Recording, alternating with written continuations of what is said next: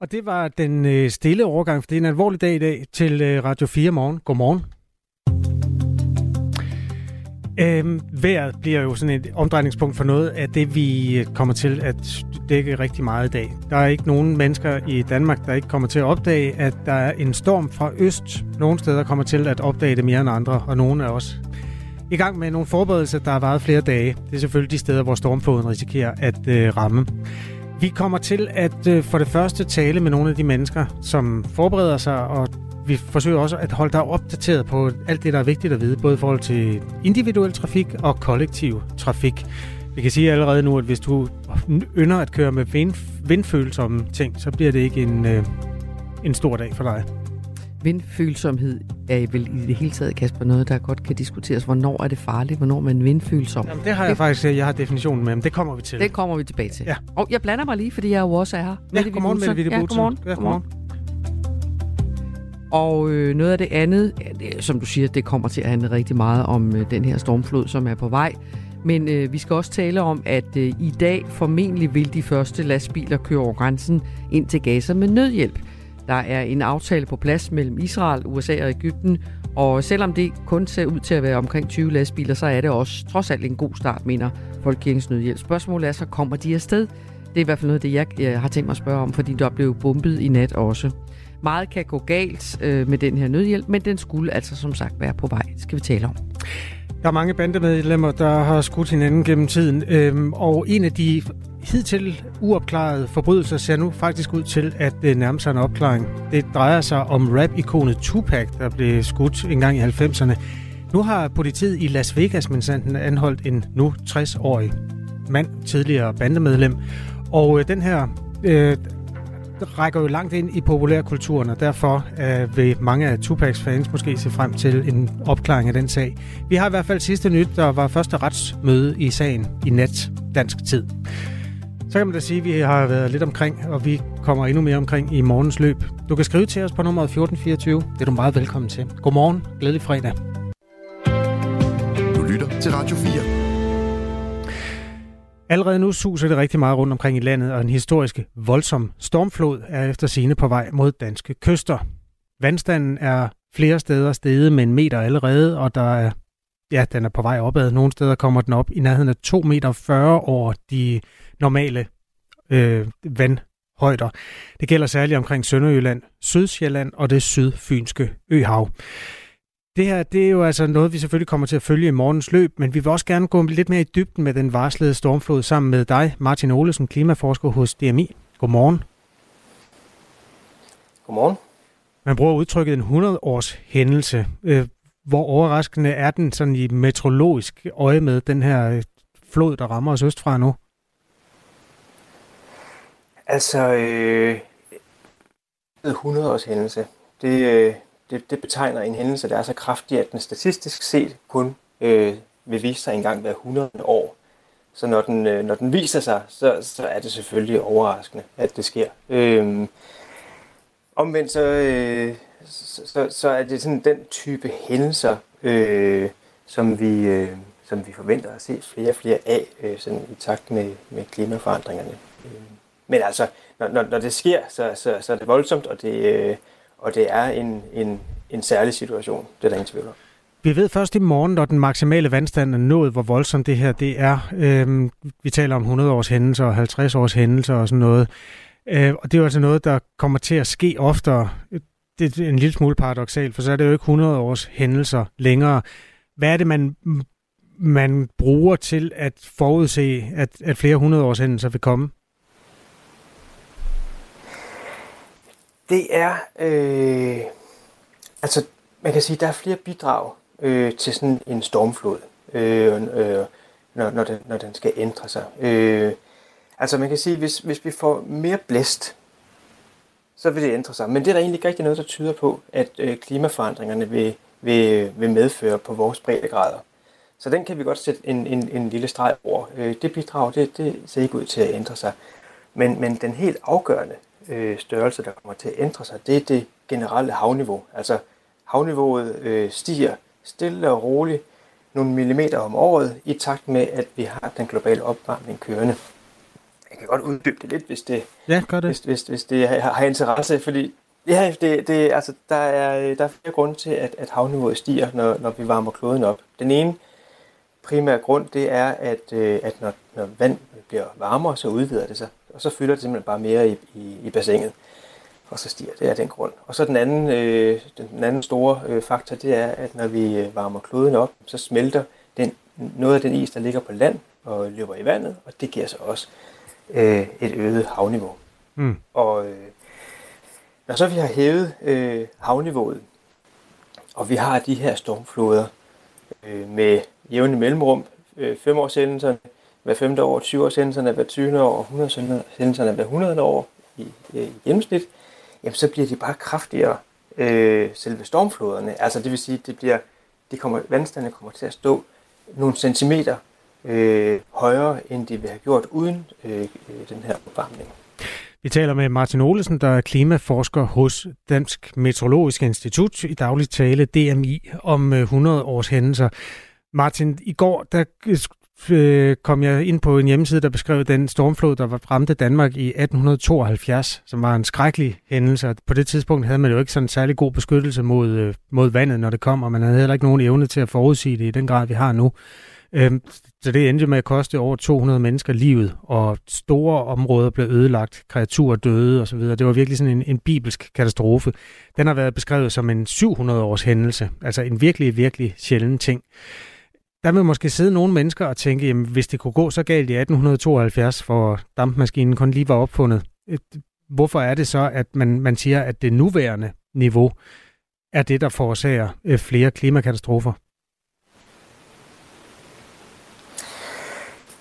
Øhm, altså, man, man kan jo, generelt set kan man jo aldrig rigtig sige, at en enkelt vejrhændelse skyldes klimaforandringer, fordi den kunne være sket i princippet, øh, uden at vi har haft global opvarmning. Og det vidner den, den, den hændelse øh, i, i 1700-tallet jo, øh, som du nævner, det, det, det, det, det er den jo et eksempel på, at vi kan sagtens have de her, øh, vi kan godt have de her ekstreme vejrhændelser uden klimaforandringer. Men man må bare sige, at når, når, så den, når så det sker, altså det var også dengang, der var, der, der var det jo i højere grad den perfekte storm, hvor alting gik op, hvad kan man sige, katastrofemæssigt i en højere enhed, mm. så man fik en voldsom øh, stormflod. Øh, når det sker, og man så samtidig har, lad os sige, 10 cm mere vand i bassinet, jamen så med lidt, med lidt forsimplet købmandsregning, så, så kan man jo lægge de 10 cm til den hændelse, der så sker. Og det betyder jo så bare, at at vi er oppe på et lidt højere niveau. Og jeg vil, og jeg vil sige, at når, når man taler med beredskaberne og, og har set, hvad der, er, hvad, der, hvad, der, hvad der foregår af sikringer rundt omkring, når man så er ude i de her ekstreme øh, hændelser, så betyder de der 10 cm, ja altså et par centimeter, kan faktisk have en, en ret afgørende øh, effekt på, på øh, skadesomkostningerne. Så, så, derfor, så derfor kan man sige, det her det er jo værd øh, vi ser. Det er stormvejr, og det er noget, noget opstudet vand i Østersøen osv., og det giver, øh, det giver en ekstrem situation øh, storm, øh, stormflodsmæssigt. Martin Olesen er altså klimaforsker hos DMI, og hjælper os lige med at sætte det her i historisk perspektiv. Den 100-års hændelse, som øh, kommer til at øh, ramme Danmark og særligt østvendte kyster i løbet af i dag. Tak skal du have, Martin Olesen. Klokken er 14 minutter over 6, Mette Vibe og jeg ved ikke, om vi skal lige tage sådan som det hedder dramatisk i nyhedssproget, det vi ved om øh, konsekvenserne af stormen lige nu? Jo, altså, øh, jeg kan ikke give sådan det fulde, det fulde billede, men det håber vi jo faktisk også på, at vi kommer til at kunne gøre, Kasper, i løbet af de her næste øh, par timer. Men det, man altså øh, regner med, og det, man kan sige, er, er noget af det, der er sket i nat, det er, at DMI, som jo følger med, øh, varsler, at vandstanden øh, nogle steder kan stige til 2,4 øh, øh, meter over daglig vande Øh, vindene forventes at blive stormende cooling med vindstød og stormstyrke. DSB melder, at de ændrer togdriften fra i eftermiddag, så skynd jer lidt, hvis I skal hjem fra efterårsferie med toget. Øh, man skal forvente forsinkelser og aflysninger. S-togene i København kører med lavere hastighed. Allerede her fra klokken 10 her til formiddag. Øh, Storbæltsbro, Øresundsbro oplyser, at der er også risiko for, at broerne lukker i aften. Og så er der jo hele færgesituationen. Ja, øhm, og der er jo mange lokale færger i det her rige, fordi vi har rigtig mange øer. Men jeg kan tage nogle af de mere kendte. at det, det vi i hvert fald har fået at vide, er, at Scanlines aflyser de færger, der sejler mellem Gæsser og Rostock, det altså fra Danmark til Tyskland, og øh, det giver jo god mening, fordi de sejler ligesom på tværs af vindretningen. Samsøfærgerne har også aflyst sine, øh, eller flere af sine afgange i dag. Der kommer en udmelding om, hvorvidt man kommer til at sejle i morgen formiddag i løbet af dagen her. Så hvis man skal en tur fra enten Jylland eller Sjælland til Samsø, så skal man en tur omkring færgens hjemmeside og se sig opdateret der. Der er også øh, fire afgange mellem Frederikshavn og Oslo, der er blevet aflyst i dag. Færgen mellem Bøjten og Fyns Hav er aflyst hele dagen. Færgen til Ærø er aflyst øh, frem til klokken 15 lørdag. Og øh, så er der også i øvrigt, vi var ved Norgesbåden for lidt siden, øh, mellem Hirtals og Christiansand er der også flere afgange, der er aflyst i dag.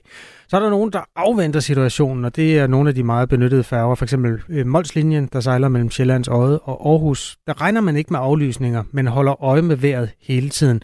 Vi øh, regner med at have en repræsentant for Molslinjen med klokken cirka kvart i syv, altså den færge, der fragter mellem landsdelene. Øh, færgen til Anholdt er vist ikke øh, ramt i øjeblikket, og så er der Bornholmslinjen, øh, som har flere aflyste afgange på ruterne Rønne, Ystad og tilbage igen. Der kan man se de konkret aflyste på Bornholmslinjens hjemmeside. Og det er jo både til lands, til vands og i luften, at øh, det her kan komme til at spille en rolle. Trafikken kan være påvirket på alle mulige måder. Vi vil forsøge at, øh, at holde øje med det her øh, morgenen igennem, og fungere som en eller anden form for trafikradio. Kan vi godt love det, Kasper? Jo, det gør ja, vi vores ja. bedste for. Øhm, og, og, og jeg kan også se, at, øh, at øh, der er allerede nu lyttere, som, øh, som skriver ind og reagerer på det, du fortalte om, øh, hvordan har det egentlig set ud tidligere. Fordi der er en lytter her, der skriver, at vandet gik ind i mine forældres sommerhus hver vinter fra 1956 til 1962. Og det er altså ved Lillebent øh, på Fyn. Så det er jo rigtigt nok, det er jo noget, man har oplevet tidligere, men i dag og i de kommende døgn skulle det altså blive helt øh, ekstraordinært øh, historisk øh, stormflod. Forskellen mellem 50'erne og nu er jo også, at man faktisk har været i stand til at lave noget kystsikring. Nogle af de steder, hvor vandet ofte er gået over sin bredder. Det er måske derfor, man har haft fri fra det i en periode. Øhm, ja, vi holder øje med det, og vi tager meget gerne imod sådan helt lokale vejrmeldinger. Altså, nu skal vi nok sørge for at tale med de mennesker, der er ekspert i vejret i meget bred forstand, og bringe dem ud i radioen. Men hvis du har sådan en mere lokal betragtning fra dit område, hvor den her efter sine ekstreme vejrhændelse kommer til at sætte sit præg, så må du meget gerne beskrive den til os i en sms. Altså, den hedder gudskelov ikke et eller andet dumt navn, den her storm. Men det er en stormflod. Det er vi enige om. Og hvis den øh, påvirker det sted, du er, så må du gerne sende en beskrivelse til os på nummer 1424. Så kan vi sammen male Danmarkskortet, som det ser ud her den 20. oktober. Nummeret til Radio 4 Morgen er altså 1424. Du lytter til Radio 4. Og samtidig med, at vi forsøger at danne os et overblik over, hvordan øh, Danmark ser ud, tegner Danmarkskortet, som du beskriver det, øh, Kasper Harbo, denne her for øh, morgen, så skal vi også holde øje med, hvad der sker i øvrigt rundt omkring. Og en af de historier, som har fyldt rigtig meget, en af de sager, som har fyldt rigtig meget i løbet af ugen, Øh, det er jo det, der foregår i Gaza og Israel i øjeblikket. Øh, der er, kan man sige, for, øh, forholdsvis gode nyheder, fordi man regner faktisk med, at det nu er lykkedes at lave en aftale, som gør, at øh, omkring 20 lastbiler med nødhjælp i løbet af dagen får lov at køre ind i Gaza fra Ægypten øh, til det her lukkede område, som Gaza jo er. Ingenting kommer ud, ingenting kommer ind, medmindre israelerne siger ja til det. Og nu er der altså lavet en aftale med, med USA, Ægypten og, og Israel om, at de her lastbiler må komme ind. Øh, de skal indeholde medicin, mad og rent drikkevand. Øh, flere end 150 lastbiler har i flere dage stået klar med nødhjælp til palæstinenserne, men først nu er den her aftale altså forhandlet på plads. Det man kalder en såkaldt humanitær korridor. Godmorgen, Jonas Nødgær. Godmorgen. International direktør i Folkekirkens Nødhjælp. I må være virkelig, virkelig glade over, at der nu er lavet en aftale. Jamen, det er vi også. Der er absolut grund til en, jeg vil kalde det en forsigtig optimisme, hvis det lykkes at få de 20 lastbiler ind i løbet af i dag. Ja, altså, og, og den forsigtige optimisme, han, går den også på, at der jo ikke er, det er jo ikke sådan, at konflikten er stoppet. Volden fortsætter jo. Øh, så, så er der også en risiko for, at, øh, at det ikke bliver i dag. Ja, det vil jeg mene, fordi en forudsætning for, at man kan køre lastbilerne ind, er selvfølgelig også, at krigens parter stopper med at skyde raketter på hinanden, sådan så de her lastbiler kan komme hele vejen ind til de lager, hvor man forventer, at de skal aflastes, og så skal man jo finde ud af, hvordan man så får kørt det hen til de uddelingssteder, der er, sådan så folk kan komme hen og få de her fornødenheder i sikkerhed, uden at blive uden i risiko for at blive beskudt. Ja, og i nat blev jo en, øh, en græsk ortodox kirke ramt af det, der menes at være et uh, israelsk angreb. Uh, det er i hvert fald det, som, som Hamas siger. Uh, flere bedræbt og såret. Kirken ligger i Gaza by i den nordlige del af Gazastriben. Altså, hvordan arbejder man overhovedet, som I gør, med at sikre nødhjælpskonvojer, når, når der stadigvæk er angreb? Altså det vi forventer med den her første nødløbskonvoj, der skal ind med de 20 lastbiler, det er, at den kommer ikke til at køre op til den nordlige del af Gaza. Den kommer til at skulle blive nede i den sydlige del, hvor det også er det, som den israelske her har bedt folk om, der har, om at forlade Gaza by og gå ned sydpå. Og det vil sige, at den kommer mest til at skulle have glæde for de folk, der bor nede i den sydlige del af landet. Og det vi selvfølgelig håber, det er, at det kommer til at ske på en god måde, sådan så øh, der kommer opbakning til, at man i løbet af de næste dage så kan sende flere lastbiler ind, og forhåbentligvis op til 100 lastbiler om dagen. Ja, fordi 20 lastbiler er jo ikke meget, når man tænker på, at der bor omkring 2 millioner mennesker i Gaza. Nej, det er ikke særlig meget. Hvor, altså, hvor langt rækker det overhovedet? Ja, for at give et eksempel, så her hen over weekenden, der fik vi købt madvarer lokalt inde i Gaza til 3.000 familier, og det blev uh, transporteret i seks store lastbiler, altså inde i Gaza, og så transporteret hen til en af de skoler, hvor der sidder en masse internt fordrevne fra den nordlige del af Gaza. Så det er bare lige for at putte det lidt i perspektiv. Mm. Der er altså seks store lastbiler, nu snakker vi så 20 lastbiler, det vil sige, de er jo så også fyldt med medicin, så måske 5-6.000 familier. Så det er faktisk et, et lille bitte, en lille bitte nål i en meget stor høstak, hvis man kan sige det på den måde. Øh, men, men håbet er vel så også, at det er den første sætning, og så skal der komme flere. Det er jo USA, som jeg sagde tidligere, det er USA, Israel og Ægypten, som har forhandlet den her aftale om nødhjælp øh, på plads. Den, øh, nødhjælpen skal ind via Ægypten, øh, Joe Biden fortalte, at en del af aftalen er også, at Hamas ikke må få, få del i den her nødhjælp. De må ikke på nogen måde få adgang til, til, til den her form for humanitær korridors indhold, kan man sige. Hvor, hvor, hvor, hvor vanskelig en opgave er det, vil du sige, at sikre, at det ikke sker? Det ser jeg faktisk ikke som den allersværeste opgave, fordi der, øh, man skal vide, det er FN, der kommer til at stå for hele transporten og uddelingerne.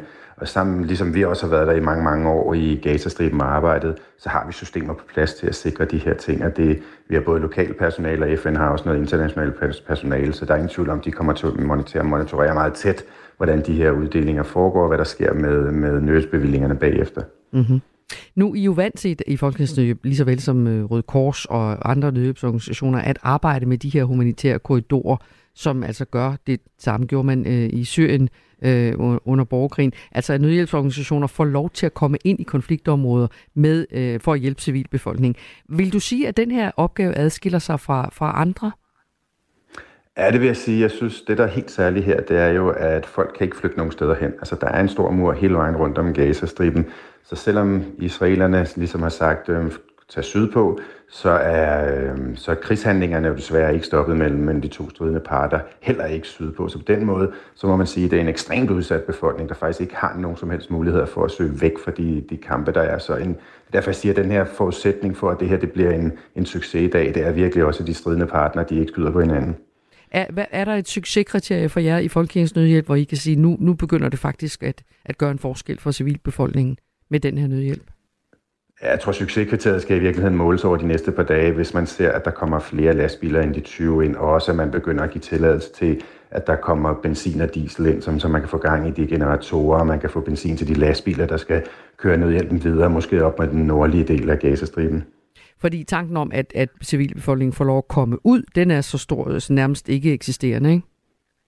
Jo, det tror jeg tilbage med, at de vil vurdere det for farligt, så jeg tror ikke, de vil komme ud øh, i stort antal, hvis det er, at man ikke virkelig kan se synlige tegn på, at øh, man har stoppet på bombardementerne. Tak skal du have, Jonas Nødkær, og god arbejdsløst, hvis man kan sige det på den ja, måde. Tak skal du have. International ja, direktør i Folkekirkens Nødhjælp. Det her er Radio 4 morgen. Måske skylder vi en forklaring på, hvad et vindfølsomt køretøj egentlig er. Øhm, det er jo væsentligt at vide på dage, hvor det blæser rigtig meget fra øst, som det kommer til i dag.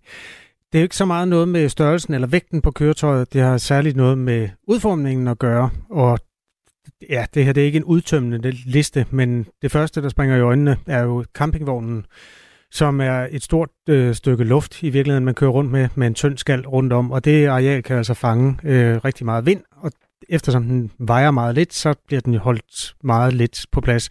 Og den er altså farlig at trille rundt med sådan en dag som i dag, når først øh, stormen rigtig har fat.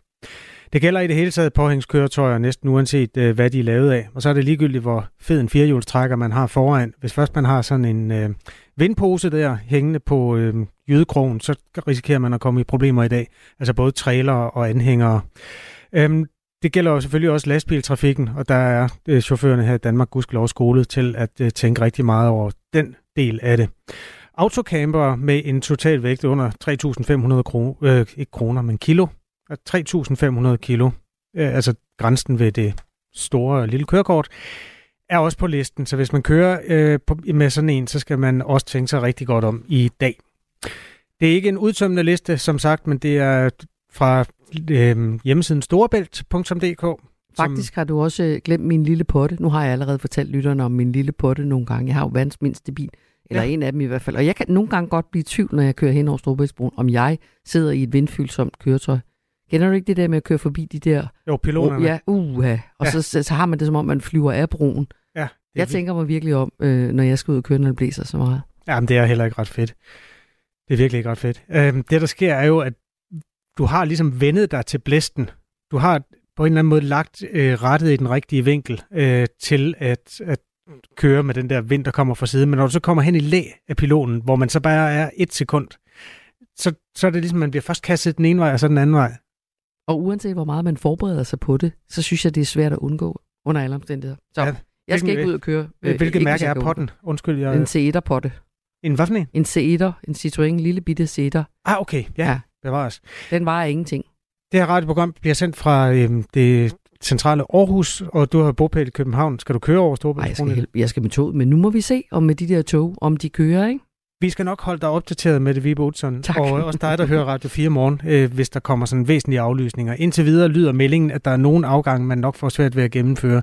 Men vi øh, sørger for at få et fuldt overblik lidt senere på morgenen. Klokken er tre minutter i halv otte. Husk, du kan skrive til os på nummer 1424. Du lytter til Radio 4. Det er den 20. oktober. Jeg ved ikke, om vi lige skal øh, runde en festdag. Det har jeg længe haft lyst til i den tid, jeg har, den korte tid, jeg har kendt dig med det, Vibe Utzon. Ved du, hvad, hvad det er for en 50-års fødselsdag, vi fejrer i dag? Mm, nej. Det er Operahuset i Sydney. Ja, det burde jeg jo strengt til at vide. Jeg deler jo efternavn ja, du deler Ja, ja, Jørgen Utzon. Ja. Øh, kan du fortælle noget mere om dit slægtskab med Jørgen Utzon? ikke meget. Nå. Min, øh, min gamle farmor, som nu ikke er her mere, hun sagde altid, det er jo Sjællandsgrenen med det når jeg spurgte hende om det. Så jeg er vokset op med at, at have det samme efternavn som arkitektfamilien, men det er meget langt ude, tror jeg nok. Vi er okay. ikke så mange, der hedder Utzon, men, øh, men vi kan ikke tage æren for Operahuset. Operahuset er jo noget af det mest ikoniske, når man taler om Australien. Det ser enormt flot ud. Jeg har aldrig været der, men jeg har set masser af billeder af det. Det, det her sådan lidt, ligner lidt en Toblerone, der er lagt ned og udhulet en lille smule. Og nu bliver han sikkert vred et sted i sin grav, den gode arkitekt. Men det er jo en fuldstændig unikt byggeri, og angiveligt også et meget, meget øh, smukt sted, øh, når man oplever det indenfra. Det blev åbnet den 20. oktober 1973, og damen, der klippede snoren, det var dronningen af England, eller dronningen til Australien, dronning Elisabeth den anden. Der var fyrværkeri, og så spillede man et stykke musik. Har lyst til i en lynquiz at gætte på, hvad man bruger til at åbne? Jeg håber ikke, det var Rule Britannia i hvert fald. Nej, det var Beethovens 9. Radio 4 Morgen tog lige og fejrede en 50-års fødselsdag. Øh, det, I dag er studiet befolket af Mette Vibe og Kasper Harbo. Du lytter til Radio 4 Morgen. Øhm, stormen, eller vandstanden er i virkeligheden det store problem her. Den har været stigende det sidste døgns tid, og den vil fortsætte med at stige frem til midnat, hvor den topper. Øh, flere vandstands øh, forudsigelser taler om, at man vil nå op omkring 2,40 meter over normal vandstand, og det vil jo sætte sit præg særligt på de østvendte kyster og også øh, de sydvendte nogle steder omkring øh, Sjælland, øerne, det sydfynske øhav og ja, nogle af fjordene. Man er særligt bekymret for området omkring Haderslev. Hvis man er til øh, dansk fodbold, så tror jeg, man skal indstille sig på, at kampen i Haderslev i aften bliver aflyst. Der er jo øh, faktisk program på både i Superligaen og i øh, første division, eller den næstbedste række. Og her er der en kamp skeduleret mellem Sønderjyske og Kolding. Der er gode udsigter til at få den aflyst. Vi vil også forsøge at få os opdateret på den del af populærkulturen i løbet af morgenen. Der er også en Superliga-kamp, der skal spilles på Hvidovre Stadion mellem Hvidovre og Silkeborg. Udsigterne i forhold til at få den gennemført, det prøver vi lige at finde ud af med hjælp fra de øh, mennesker med det stedlige overblik. Efter nyhederne, der kommer vi til at gå ned i en amerikansk morgåde, der ser ud til at nærme sig en opklaring. Det er rapperen Tupac, der blev skudt en gang i 90'erne. Et bandemedlem øh, sad i går i skranken ved det første retsmøde. Mere om det om fire minutter. Nu er der nyheder på Radio 4. Erstatningen til de tidligere minkavlere bliver ca. 2 milliarder kroner højere end forventet. Det sker efter, at Ministeriet for Fødevare, Landbrug og Fiskeri blandt andet har fundet en regnefejl. Det skriver Finans på baggrund af en orientering, som ministeriet har givet til Folketingets Finansudvalg. Anne-Sophie Felt fortæller. Regnefejlen består blandt andet i, at man i udregningerne af erstatninger er kommet til at indregne løn til minkavlerne to gange. Det har givet et forkert billede af produktionsomkostningerne, og det har på papiret forringet minkavlernes indtjening, skriver mediet. Udover det så har de første afgørelser om erstatning vist et højere erstatningsniveau per produceret minkskin, end man oprindeligt havde regnet med. Minkavlernes erstatning har indtil nu været skyndet til at være 8,9 milliarder kroner i alt. Med den nye beregning så forventer ministeriet, at beløbet vil stige til over 10 milliarder kroner, skriver Finans. Minister for Landbrug, Fødevare og Fiskeri Jakob Jensen understreger, at det endelige beløb stadig er usikkert. Det vigtigste for mig er, at minkavlerne får den fuldstændige erstatning og kompensation, som de har ret til, så hurtigt som muligt, skriver han til Finans. Udsigt til kraftigt blæsevejr, forhøjet vandstand og mulige oversvømmelser får flere forsikringsselskaber til at indkalde ekstra mandskab. Det gælder blandt andet Top Danmark, Kodan Forsikring, Gensidig og Tryg Forsikring. Hos Top Danmark har de også sendt sms-varslinger til over 27.000 kunder i de berørte områder, primært i Syddanmark. Forhøjet vandstand er normalt ikke dækket af en almindelig husforsikring, en boforsikring eller sommerhusforsikring. Allerede nu, inden den varslede storm har fået ordentligt fat, har blæsten påvirket trafikken mange steder. Flere færgeafgange er aflyst, ligesom både tog- og flytrafik er påvirket. Efterhånden som stormen tager til, vil der komme yderligere aflysninger, og trafikanter og passagerer bliver opfordret til at holde sig orienteret via rejseplanen og de forskellige transportselskabers hjemmesider. USA's præsident Joe Biden vil bede kongressen om lov til at bruge flere penge på at støtte både Ukraine og Israel. Det siger Joe Biden i en tale torsdag aften amerikansk tid. Amerikansk lederskab er det, der holder verden sammen. Amerikanske allierede er det, der holder os i USA i sikkerhed, sagde Biden i talen, der blev sendt i USA's bedste sendetid. Vi kan ikke lade terrorister som Hamas og tyranner som Putin vinde, sagde han. Det Hvide Hus siges at være i gang med en anmodning til kongressen, der samlet løber op i 100 milliarder dollar. Det svarer til over 700 milliarder danske kroner. Biden holdt sin tale til den amerikanske befolkning omkring 20 timer efter, at han vendte tilbage fra et besøg i Mellemøsten. Det bliver måske først på lørdag, at de 20 lastbiler med nødhjælp, der holder klar i Ægypten, bliver kørt over grænsen fra Ægypten til Gaza hvor de civile venter på hjælpen. Det fortæller flere medier herunder CNN. Ifølge kilderne skyldes det blandt andet, at vejene, som lastbilerne skal køre på, skal repareres ordentligt. Det er blandt andet Israel og Ægypten, der har forhandlet en aftale på plads med USA om at åbne grænsen, så nødhjælp kan komme ind til de mange civile palæstinenser, der er i Gaza-striben. Udover blæst, så bliver der i dag skyet og over de sydlige egne stedvis regn, ellers mest tørt. Fra sidst på dagen kommer der udbredt regn sydfra. Temperaturerne kommer til at ligge mellem 5 og 10 grader.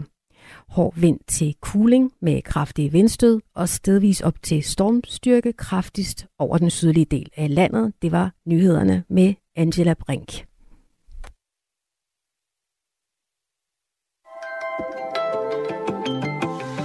Det her er Radio 4 morgen. Husk, at du kan sende os en sms på 1424. Mere selvfølgelig om vejrsituationen i løbet af ja, de tre timer, som vi kalder Radio 4 morgen. Det er mellem 6 og 9. Den her morgen er det Mette Vibe Utzon og Kasper Harbo, der holder øje med nyhedsstrømmen. Er der noget nyt, som er kommet ind her på det seneste? Ja, ikke så vidt jeg kan se, nej. Altså, øhm, det, det, det, det, der, der varmes op overalt. Kan man ikke godt sige det sådan? Og der varsles jo også, at det kommer til at betyde rigtig, rigtig meget for trafikken i dag. Det er jo fredag, det ved jeg ikke, om man godt eller skidt i den forbindelse, men øh, det er også efterårsferie, så rigtig mange skal måske hjem.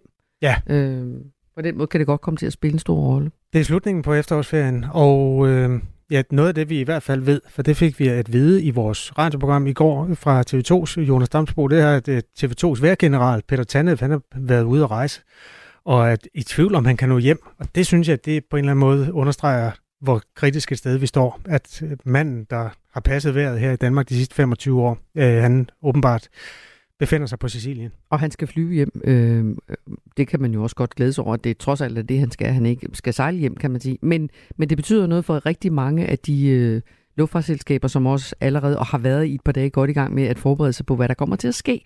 Københavns Lufthavn oplyser, at der er risiko for forsinkelser og aflysninger fra i dag, øh, fra i eftermiddag og aften. Men som sagt, det er det enkelte flyselskab, som afgør, hvordan man håndterer den her storm. Øh, lufthavnen opfordrer alle passagerer til at tjekke deres afgange på lufthavnens hjemmeside eller direkte hos flyselskabet.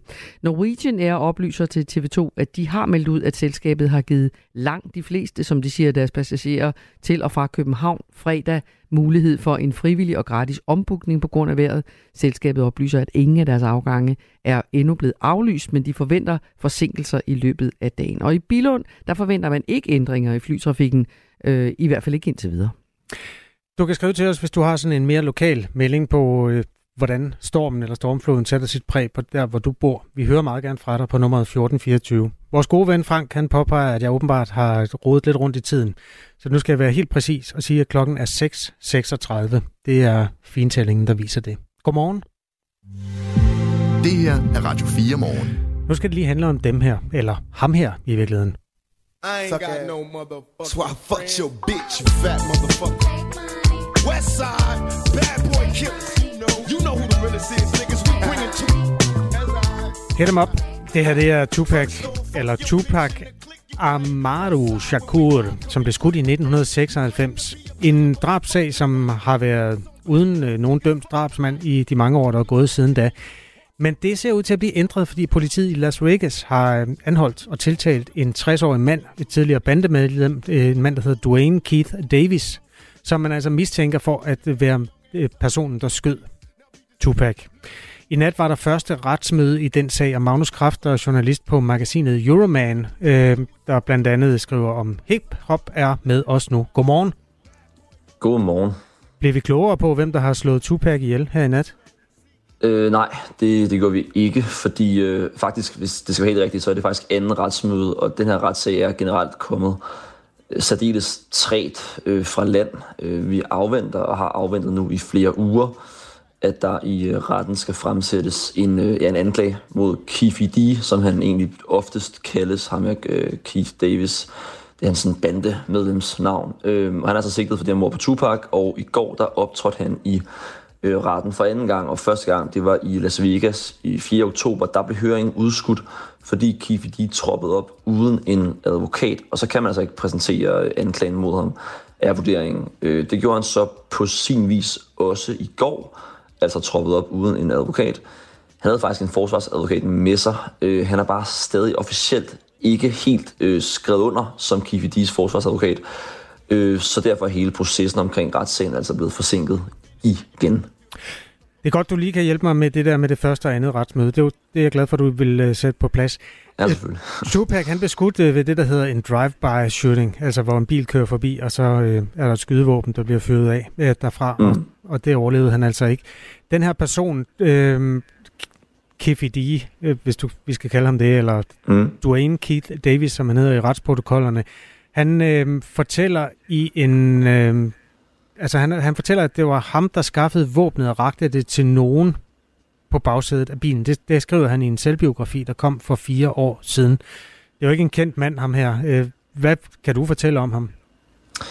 Ja, Keefe D, han er sådan en notorisk bandeskikkelse fra Los Angeles bandemiljø. Han er højstående medlem i det, der hedder Southside Crips. Han er også blevet 60 år efterhånden, så det er jo ikke, fordi han er så aktiv længere øh, i, øh, i den del af, af bandemiljøet. Men Øh, men han var op gennem 90'erne en øh, sådan rigtig kingpin, kan man vel nærmest sige. Altså han, øh, han beskriver sig selv som, som at hvis, øh, hvis Southside Crips var en, var en her, så vil han være en, en femstjernet general. Og det er jo virkelig det, som er så utroligt øh, og lidt bizart også ved den her sag. øh, det er, at han i så vid udstrækning selv har fortalt om sin egen involvering i, i det her mor. Øh, så på den måde har, har svaret jo været for næsten på os i, i flere år efterhånden. Øh, det er bare først nu, at, øh, at der ligesom er blevet rejst en, en sigtelse. Tupac Shakur, som altså blev skudt dengang i 1996, det er jo et, øh, et i de kredse, folk der har forstand på det, så er det sådan en ret ikonisk skikkelse. For folk, der aldrig er interesseret sig for amerikansk rap, nogen kalder det gangster rap af gode, åbenlyse årsager, mm. Øh, ved måske ikke så meget om personen øh, Tupac Shakur. Jeg kan godt huske, da der pludselig begyndte at stå Tupac på øh, skrevet med sådan noget spraymaling rundt omkring på væggene. Men dengang ja. havde jeg faktisk aldrig hørt om manden, øh, manden selv. Han, han blev mere kendt efter, han var død end før. Vil, vil du komme så med en lynbiografi af uh, Tupac Shakur?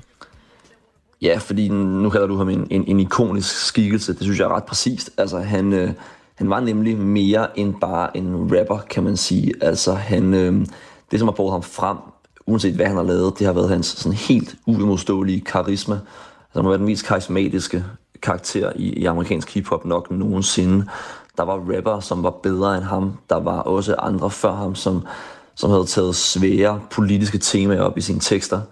Øhm, men han havde sådan en, man vil sikkert kalde det X-faktor i dag, øh, op over begge ører. Øhm, og det gjorde ham til sådan en, øh, til sådan en virkelig, virkelig populær figur, der både ligesom mestrede det her meget dybsindige øh, samfundsanalyserne, øh, og samtidig var han jo også mere og mere op, især op til, øh, op til sit, øh, sit mor, øh, var han en, en hårdkogt øh, øh, kriminel bandetype. Han var ikke bandemedlem, han var bandeaffilieret og levede det her. Der stod sådan heusratisk berømt hen over maven på ham, Thug Life, og det var det liv, han i høj grad øh, levede, især op til han så døde. Med i Radio 4 Morgen er lige nu Magnus Kraft, der er journalist på magasinet Euroman, på en dag, hvor der er rigtig meget, der handler om en østvendt storm, eller en storm østfra, men der er altså også øh, nyheder vestfra, og det her det er om øh, det andet retsmøde i sagen om drabet på rapperen Tupac Shakur, der fandt sted i 1996. Et øh, bandemedlem er altså i skranken i den anledning, og vi er ikke tæt på en opklaring eller en dom, men vi har trods alt fået taget hul på sagen. Der er mennesker, der husker den her sag. En af dem er Tommy, der har skrevet til os. Jeg ved ikke, hvor godt du er inde i sagen, Magnus Kraft, og nu er vi måske i nærheden af noget med øh, en jord i loven og sådan noget, men nu læser jeg den lige op, så må vi tage den mm. derfra. Er det hemmeligt, at P. Diddy fik Tupac skudt, og Shock Right dræbte Easy E? Jeg aner ikke, hvad han snakker om, men gør du det? Mm. Jamen, jeg aner godt, hvad han snakker om, altså. og det, og det, der, der, der sætter han jo øh, fingeren på et, på et ømt punkt, fordi øhm, altså, P. Diddy er jo en, som øh, mange kender af amerikansk øh, hiphop vil, vil ikke genkende til den gang, hvor den her sag havde sit omdrejningspunkt, der hed han øh, Puff Daddy, og, og man skal forstå i den her sag, at der var en spektakulær øh, konflikt på det tidspunkt mellem Østkysten i, i, i amerikansk rap, som Puff Daddy var repræsentant for, øh, og så Vestkysten som Tupac og hans øh, øh manager, ven, øh, pladselskabsejer Shook Knight var, øh, var repræsentanter for. Øh, og det er et sejlivet rygte, at Puff Daddy, som havde det pladselskab, der hed Bad Boy Records, øh, var på en eller anden måde involveret i, i mordet på, på Tupac. Øh, Keefe de har selv fortalt, at, øh, øh, Puff, at Puff Daddy på et eller andet tidspunkt har lovet ham 1 million dollars for at tage livet af, af Tupac. Øh, Puff Daddy har jo selv forholdt sig til det her, kalder det det rene nonsens. Øh, men det, som man kan sige om det, øh, uden at komme på kant med en lovgivning, tror jeg, det er, at det bliver meget interessant at følge i retssagen, om, om Kifi D vil forsøge at hvad skal man sige, hive nogen med sig i faldet. Øh, det kunne man godt forestille sig, og, øh, og man skal ikke bruge meget tid på, på internettet for at se, at der er mange, der, der er sådan lidt øh, øh, mørkt sindet joker med, at, øh, at Puff Daddy nok skal til at øh, hyre nogle, øh, nogle gode advokater. Det har han nok i forvejen. Men, øh, men det er sådan en ting, man taler om. Hvornår får vi den her sag afsluttet, og en morder måske dømt? Der kan gå, der kan gå rigtig lang tid. Altså de her, de her retssager i, øh, i, i USA og jo alle mulige steder, øh, kan, kan, tage, kan tage flere år sådan set. Så det, øh, så det tør jeg ikke rigtig sætte en dato på, men der kan gå lang tid. Tusind tak, fordi du vil hjælpe os med det her, Magnus Kraft. Det var så lidt. Journalist på magasinet Euroman, som blandt andet skriver om hiphop. Og tak for sms'en også. Man kan skrive til det her radioprogram på nummer 1424. Du lytter til Radio 4 morgen. Ja, og så lad os vende tilbage til øh, det, som jo fylder rigtig meget hos øh, i hvert fald alle dem, som skal frem og tilbage øh, rundt om i Danmark den her morgen, nemlig hvad, hvad betyder den her forventede storm, som jo allerede er godt i gang med at blæse vandstanden op rundt omkring på Danmarks kort. Hvad betyder den for al den her trafik, som jo normalt er sådan en fredag morgen? færgeafgangene betyder den i hvert fald noget for. Rigtig mange færgeafgange meldes aflyst øh, frem til lørdag på grund af det her voldsomme vejr. Blandt andet Samsøfærgerne, øh, Frederikshavn-Oslo er aflyst, Alslinjen, Ærøfærgen, Hals Enetefærgen, øh, flere afgange mellem Hirtshals og Christiansand er også aflyst. Og så er der jo så altså også Molslinjen Jesper Mark. Velkommen og godmorgen. Tak for det, og godmorgen. PR og kommunikationschef hos netop Molslinjen. Hvordan ser det ud hos jer? Jamen, øh, vi, vi driver jo øh, færgeruter rundt i, i hele Danmark, og nogle af et par enkelte af dem har du allerede nævnt, ja. men altså, det er jo det er sådan en, en, en, en kombination af forskellige ting, der plager os i dag. Nogle færgeruter er udsat for, for kraftig vind og høje bølger. Øh, andre er plaget af enten for meget vand eller, eller for lidt vand. Når du siger Molslinjen, så tænker du måske på hurtigfærgerne over Kattegat. Det var dem, jeg spurgte til, ja. Det er rigtigt. Ja, ja. og de er, øhm, man kan sige, de er i den heldige situation øh, med den vindretning, der er på den her storm, at øh, Sjælland giver øh, ret godt læ til Kattegat. Øh, og det betyder, at selvom det blæser, så er det sådan meget øh, mod- eller medvind, og det er færger ikke helt så følsomme overfor. Øh, og fordi Sjælland giver læ, så bygger der sig heller ikke de allerstørste bølger op øh, på Kattegat. Vi er en lille smule bekymrede for øh, den aller sidste afgang i aften, øh, som ser ud til at blive plaget af noget rigtig trælsvær, men ellers så er planen øh, ligesom i går, også i dag, og, og sejle sådan nogenlunde planmæssigt. Altså, der er jo det med jer og jeres øh, del af, af trafikken i landet, at, det, at I, I sejler jo allerede på vandet, kan man sige, ikke også? Så, så, så I burde jo øh, også være ret godt stillet. Altså, færger er vel lavet til en eller anden form for, for, for uvær også. Men hvorfor er det, at det alligevel kan påvirke øh, færgedriften? Jamen altså, nogle gange så er det jo simpelthen, fordi vinden øh, er, er så kraftig, kan være så kraftig, at det bliver for risikabelt at, at vende færger rundt ind i havne og så videre. De risikerer at, at blive blæst ind i kajen. Andre gange er det jo selvfølgelig fordi, at bølgerne bliver så høje, at vi simpelthen ikke kan, synes, vi kan være bekendt og byde folk sådan en tur her. Og så er der jo det problem, der for eksempel, nu nævnte du Alslinjen, det er det, der plager dem i dag.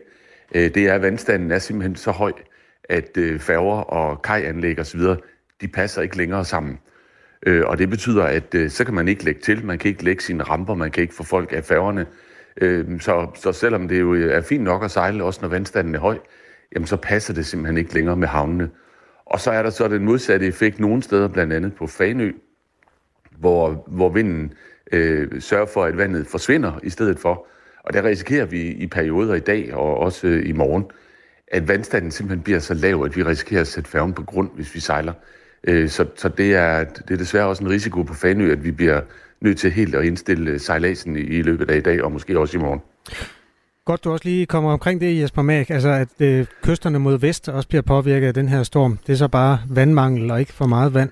Jeg var faktisk en tur på Fanø i sidste weekend, og på det tidspunkt havde man lige præcis det problem, som du beskrev øh, for lidt siden. Altså at øh, der var for meget vand, og at færgen dermed lå så højt, at man ikke kunne øh, få den der øh, bilrampe til at passe. Så det var kun gående passagerer. Det, det, er, øh, det, det er følsomme ting, det her, og lidt uvandt egentlig. Hvordan kan det være, at det ikke påvirker Molslinjen, når der er for meget vand?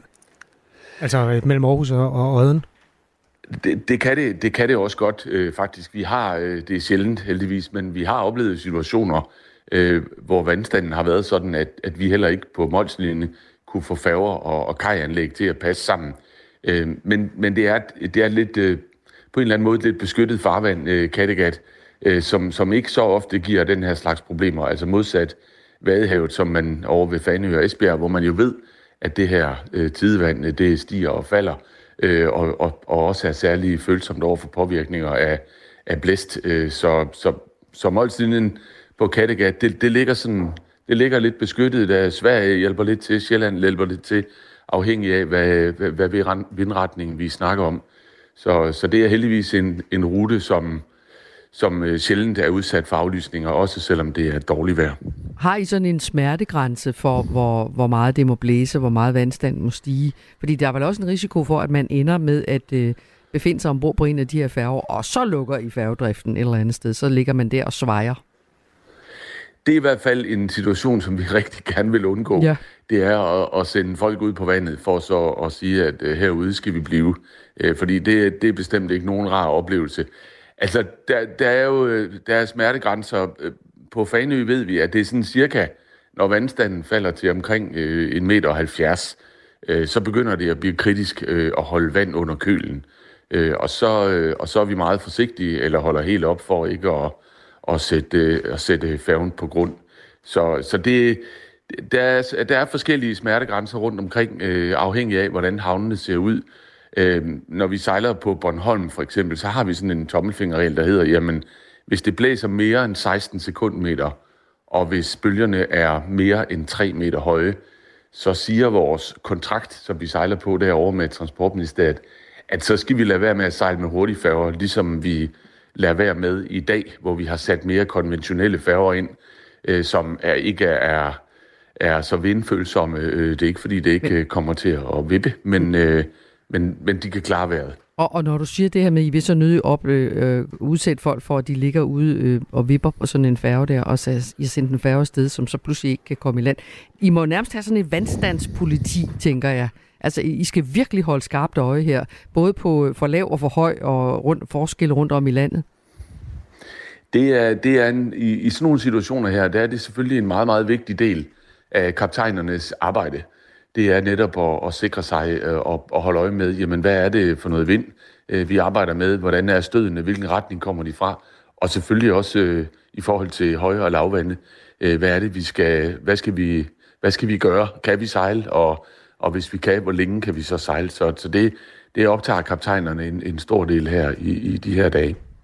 Radio 4 Morgen sørger for altså for overblikket tættere på både den individuelle trafikvilkår, som vi har været inde på, og så også de, den kollektive trafik, hvor færgerne må sige sig være en del af. Du kan skrive lokale vejrmeldinger til os fra din mobiltelefon på nummer 1424. Der er post fra en lytter, på, der befinder sig på Nordsjælland, som skriver, at det blæser, men ikke vildt meget. Øh, vedkommende har en ven i Køge, som jo altså vender mod øst, og der står lige her i sms'en, at på de kanter man ved at lægge sandtækker omkring huset. Under stormen blev øh, ja, det hele oversvømmet, og mange ting ødelagt. Og det er jo altså, der er meget stor regional øh, forskel i øjeblikket på, hvordan man oplever stormen, alt efter hvor man befinder sig hen i landet i øjeblikket. Du kan skrive til os på nummer 1424. Øh, kom vi omkring hele trafikken? Øh, ja, det, det sidste spørgsmål hjælper mig, Jesper Mark, så, så lader vi dig gå, fordi du har også travlt en dag som i dag, når man er PR-kommunikationschef hos Molslinjen, så er man nok at se til. Men, men at, vil du mene, at det her, det er ikke noget, I har set før, eller har I oplevet det før? Nej, det, det, det har vi oplevet før. Øh, altså, det er sjældent, det er sjældent øh, sket, at vi har så høj vandstand nede på Als, for eksempel, at vi er nødt til at indstille sejladserne både torsdag, fredag og en stor del af lørdagen. Det tror jeg faktisk ikke, jeg har set før i, i min tid her i den her færgebranche. Så det er usædvanligt. Og perioderne i dag og i morgen, hvor vi risikerer meget, meget lav vandstand på Fanø, det er også for mig i hvert fald usædvanligt. Det kan simpelthen sagtens være, at øh, fanikerne siger, at det har de oplevet mange gange. Men i min tid, der er det her, det, det her skifte mellem høj og lavvanden, det er, det, det er ret voldsomt. Så det bedste råd er vel til dem, der skal sejle med alle færger i Danmark, er, at man skal holde øje med hjemmesiden. De er vel så opdateret, så det er vel der, man kan finde ud af, skal vi overhovedet køre ned i det færgeleje. Er det ikke det? Jo, det er det. Ja. Det er, vi, vi sms'er de kunder, der har bestilt billet, hvis der var noget, der skulle ændre sig. Og ellers, ja, hvis man pludselig i dag vågner op og tænker, nu skal jeg vist ud og sejle, så skal man lige tjekke hjemmesiden, inden man, øh, inden man kører hjemmefra. Og måske vente til en anden dag. Tak skal du have, Jesper Mark. Ja, må vi vende tilbage, hvis der sker en ny udvikling af en eller anden slags, Jesper Mark? Det kan I to. Tak skal du have. PR og kommunikationschef, altså som sagt hos Molslinjen. Og du kan skrive til os på nummer 1424. Det her er Radio 4 morgen. Stormflod og forhøjet vandstand rammer altså Danmark mange steder lige nu, og det er kun begyndelsen, vi er i gang med. Det kommer til at toppe omkring midnat, eller først på natten. Særligt Østkysten og den sydlige del af Danmark står for, skyd, for skud, og øh, et af de steder, hvor man kommer til at opleve det, det er i det sydfynske øhav. Der ligger blandt andet en ø, der hedder Drejø, lige vest for Torsinge, hvor øens mænd i går var samlet for at sikre boliger med vandsække. Så en Tide af beboere og ledere af akutberedskabet på Drejø. Godmorgen. Ja, godmorgen. Jeg har faktisk talt med dig i går, hvor du var ude med det sandsække og lød lettere bekymret for vandsanden. Nu kan du så se det med egne øjne. Hvordan ser det ud? Jamen, godmorgen. Det, men det, ser, det, det er ikke så slemt, som øh, vi havde troet, og øh, vandet er ikke steget så meget i løbet af natten, men det er jo et grumme vejr. Det regner, og det blæser en del. Og de huse, der er mest udsat, har vi fået lagt et sandsikker rundt omkring. Så indtil videre, der ser det fornuftigt ud. Men på sydsiden af vores ø ved dierne, der har jeg lige været nede til morgen, der står vandet helt op over og slikker på dierne. Så det skal ikke blive meget voldsommere, før det sådan begynder at blive lidt mere øh, kritisk. Men det bliver jo voldsommere, lyder meldingen, og det kommer jo ja. så til at gå over dierne der. Hvordan? Det, Ja. Nu er jeg ikke... Ja, det, det, det kan jeg da godt frygte, fordi her til morgen, der stod det bølgerne helt op øh, ved dierne og blæst, eller og sprøjtet ind over, så de æder noget af de her små dier hver, øh, hele tiden, så det, det kan da godt øh, begynde at blive et problem. Men indtil videre er der ikke øh, vand anden vores færgehavn, Nyhavn og færgesejler ikke. Og nede i Nyhavn, der, den, er, den, er, den er mere eller mindre oversvømmet hele havnen. Vi er en tur på det sydfynske øhav, eller i det sydfynske øhav lige nu, på øen Drejø. Der bor 59 mennesker øh, til dagligt forbundet med færge fra Svendborg. Øh, jeg går ikke ud fra, at I har butikker på øen, så det er vel sådan noget, man har også har skulle forberede sig på, på den, på den front der? Jo, men vi har en, vi har en fin købmand herovre, okay, hun, har, hun, har, hun har masser af gode varer hjemme, så vi skal nok klare den på den front der. Åh, oh, det er rart at høre. Okay, undskyld, jeg ikke var forberedt der. Drejebeboerne er nogle stærke, gode mennesker. De er vant til lidt af hvert, så vi skal nok klare os, hvad det angår. Når man, har, når man bor på en ø, så, man, øh, så har man øbrugsind, øh, tænker jeg også. Men er der noget, I kan gøre? Fordi nu snakker vi om, at det ser ud til, at det skal blive værre. Hvad kan I stille op? Er der noget, I ikke har gjort, som I tænker, det er så nu, vi begynder at gøre det? Øh, ikke umiddelbart. Nu er jeg ikke, jeg er, jeg er ikke, jeg er ikke leder af vores øh, beredskab. Det er, det er der en anden en herovre, der er. Øh, jeg er leder af vores akutberedskab, sygeberedskabet. Men, øh, men jeg ved ikke rigtig, hvad vi mere skal gøre. Vi kan næsten ikke gøre mere med de midler, vi har. Vi har jo kun nogle sandsækker at gøre med, og så det er sand, vi nu kan få fat i. Mm. Og vi kan jo ikke komme til strandene nu, fordi der er vandet op. Så jeg ved ikke, hvor meget sand vi i virkeligheden har, og grus vi har til at fylde i de her sække. Hvordan er topografien, hvis jeg må bruge sådan lidt øh, akademisk ord, på, på øen? Altså hvis først vandet det kommer ind over digerne, hvor langt vil det så løbe op? Ja, men øh, selve Drejø by ligger, ligger højt. Vi har, en, en, vi har måske en 6-7 huse, som er, er, er yderst udsat øh, og, og ligger meget kritisk. De ligger øh, typisk en, en meter 6, meter 8 over daglig vand, så øh, det kan godt blive et problem for, for nogle af husene her. Har I stået i den situation før? Øh, ikke meget bekendt, hvor det har været øh, kritisk helt op til husene. Men jeg ved, at vores infrastruktur, vores spildevandsanlæg, som Svendborg Kommune, det der bliver pumpet, det der grå vand, der bliver pumpet tilbage til kommunen, øh, de anlæg, øh, det, det, kan godt blive, øh, det kan godt blive problematisk. De kan godt blive sat under vand ret hurtigt der. Nu er du leder af akutberedskabet, og det er jo så også, hvis øh, nogen ja. får brug for en eller anden form for hjælp øh, sådan ja. til helbredet eller sådan noget i, i aften. Ja. Er, lyder, har I sådan befalet folk til at blive inde, eller hvordan håndterer man egentlig det? Nej, ikke, ikke umiddelbart. Det er op til den enkelte. Vi har, vi havde noget fællesspisning her på øen her til aften øh, kl. 19, hvor vi skulle have spist sammen.